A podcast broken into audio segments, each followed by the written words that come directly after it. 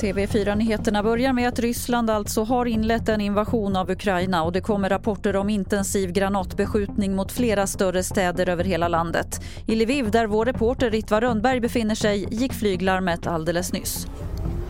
Ja, det som händer nu det är faktiskt att flyglarmet går här i Lviv. Jag vet inte om ni hör det. Jag tystnar själv en liten stund.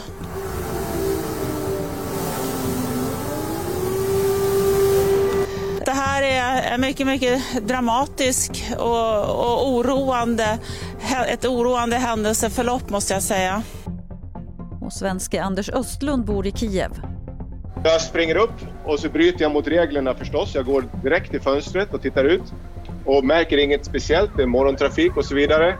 Men så fortsätter jag läsa nyheterna och sen, sen går flyglarmet här. Det har gått två gånger de senaste timmarna. Och det är en sån där surrealistisk upplevelse som man tror att man aldrig skulle få uppleva. Det, det, det är helt bisarrt. Det, det, är helt omöjligt att, att ta till sig. Va?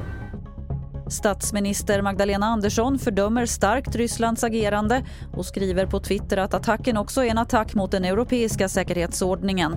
Hon twittrar vidare att det kommer mötas av ett enat och robust svar i solidaritet med Ukraina och att Ryssland är ensam ansvarig för det mänskliga lidandet. Följ utvecklingen i Ukraina på tv4.se. Jag heter Lotta Wall.